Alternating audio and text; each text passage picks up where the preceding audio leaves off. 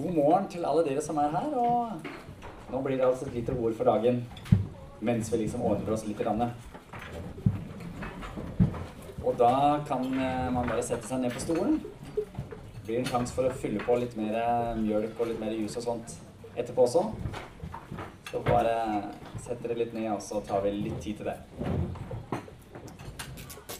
Først så må jeg si at jeg er utrolig stolt av dere.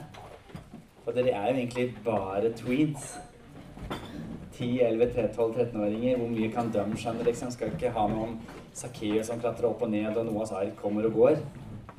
Men jeg tenkte nei, jeg vil ha litt mer utfordrende greier. Jeg vil ha mer om at vi faktisk begynner å bruke nøtta. Og det har dere virkelig gjort. Det ser jeg når vi har quiz, og det ser jeg når dere skriver svar at uh, det som vi har hatt om, det har dere fått med dere. Det er veldig godt jobba. Så det så, så dere kan bare ta hånda sånn, og så opp i lufta sånn. Så bortover sånn. Og så klapper dere litt sånn på skuldra. Godt jobba. Det er kjempebra. Så har vi kommet fram til Gud, Bibelen, Jesus som fins på ekte. Og i dag snakker vi litt om det med hva er egentlig meninga med livet når det gjelder f.eks. Christer. Hva er meninga med livet hans? Eller hva er meninga med livet til ja, Julie, Andreas, Elias? Hva er meninga med livet ditt? Ikke sant? Man kan jo lure litt på det. Og da kan vi se et sted. For at eh, jeg kjører en sånn Saab 900 Turbo sammen med Øystein, og den bilen fins på ekte. Det står der som vi har en Øystein lastebil og sånt. Og når det er noe gærent med den bilen, hvilken bok tror dere jeg leser i da? Ja, Saab-boka, selvfølgelig. Den som har lagd boka. De har også lagd bilen. Og eh, når vi snakker om livet, så er det en som har lagd livet. Det er Gud. Og her har vi hans bok. Og da skal vi spørre Gud om Gud, hva er egentlig meningen med livet? Og her står det veldig kontant i Mika kapittel 6. Hva er det han krever av deg? Hva er det Gud sier meningen med livet er? Jo, at du skal gjøre det som er rett at du skal vise trofast kjærlighet og vandre ydmykt med din Gud. Det der er en fantastisk oppskrift på livet. Jeg sier det en gang til. Du skal gjøre det som er rett. Du skal vise trofast kjærlighet. Og du skal vandre ydmykt med din Gud.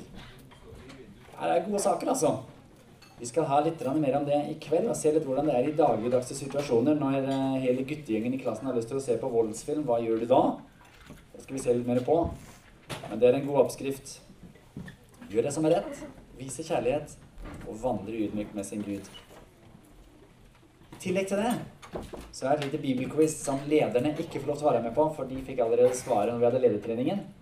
Men her kommer bibelquiz. Her er et vers fra 1. Timoteus om dere må prøve å finne på hva, hvordan det verset avslutter. Her står det Han, altså Gud, gir oss rikelig av alle ting. Salami, Nugatti, eh, luft som vi kan puste, vann som vi kan drikke. Vi kan virkelig ha det godt, og vi har det godt. Han gir oss rikelig av alle ting for at vi skal Løft opp hånda hvis du har en idé. Vær så god. Hva sa du? Leve godt. Leve godt. At du svarte mye bedre enn lederne gjorde. Kjempebra. Og lederne de gjetta på litt forskjellige gode ting. For at vi skal dele, for at vi skal prise Gud. Og det er helt riktig, og det gjør vi jo når vi lever godt. Men her står det faktisk Han gir oss rikelig av alle ting for at vi skal nyte dem. Og da skal vi jammen kose oss i Kongeparken i dag. Og denne dagen òg, den har Gud gitt oss. Den har Gud tenkt på. Jonas han skal få lov til å ha en skikkelig fin dag i Kongeparken. Det er en del av det som er meninga med livet. Å nyte. Samtidig så står det videre De, altså vi, du og jeg, Jonas og jeg, skal gjøre godt, så de kan være rike på gode gjerninger. Være gavmilde og gjerne dele med andre.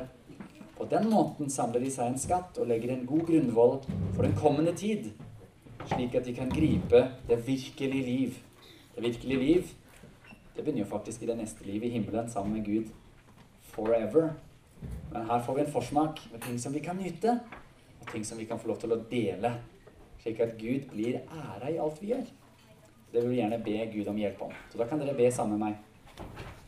Gode Gud, tusen takk for denne dagen. Takk at du gir oss gode ting for at vi skal nyte dem.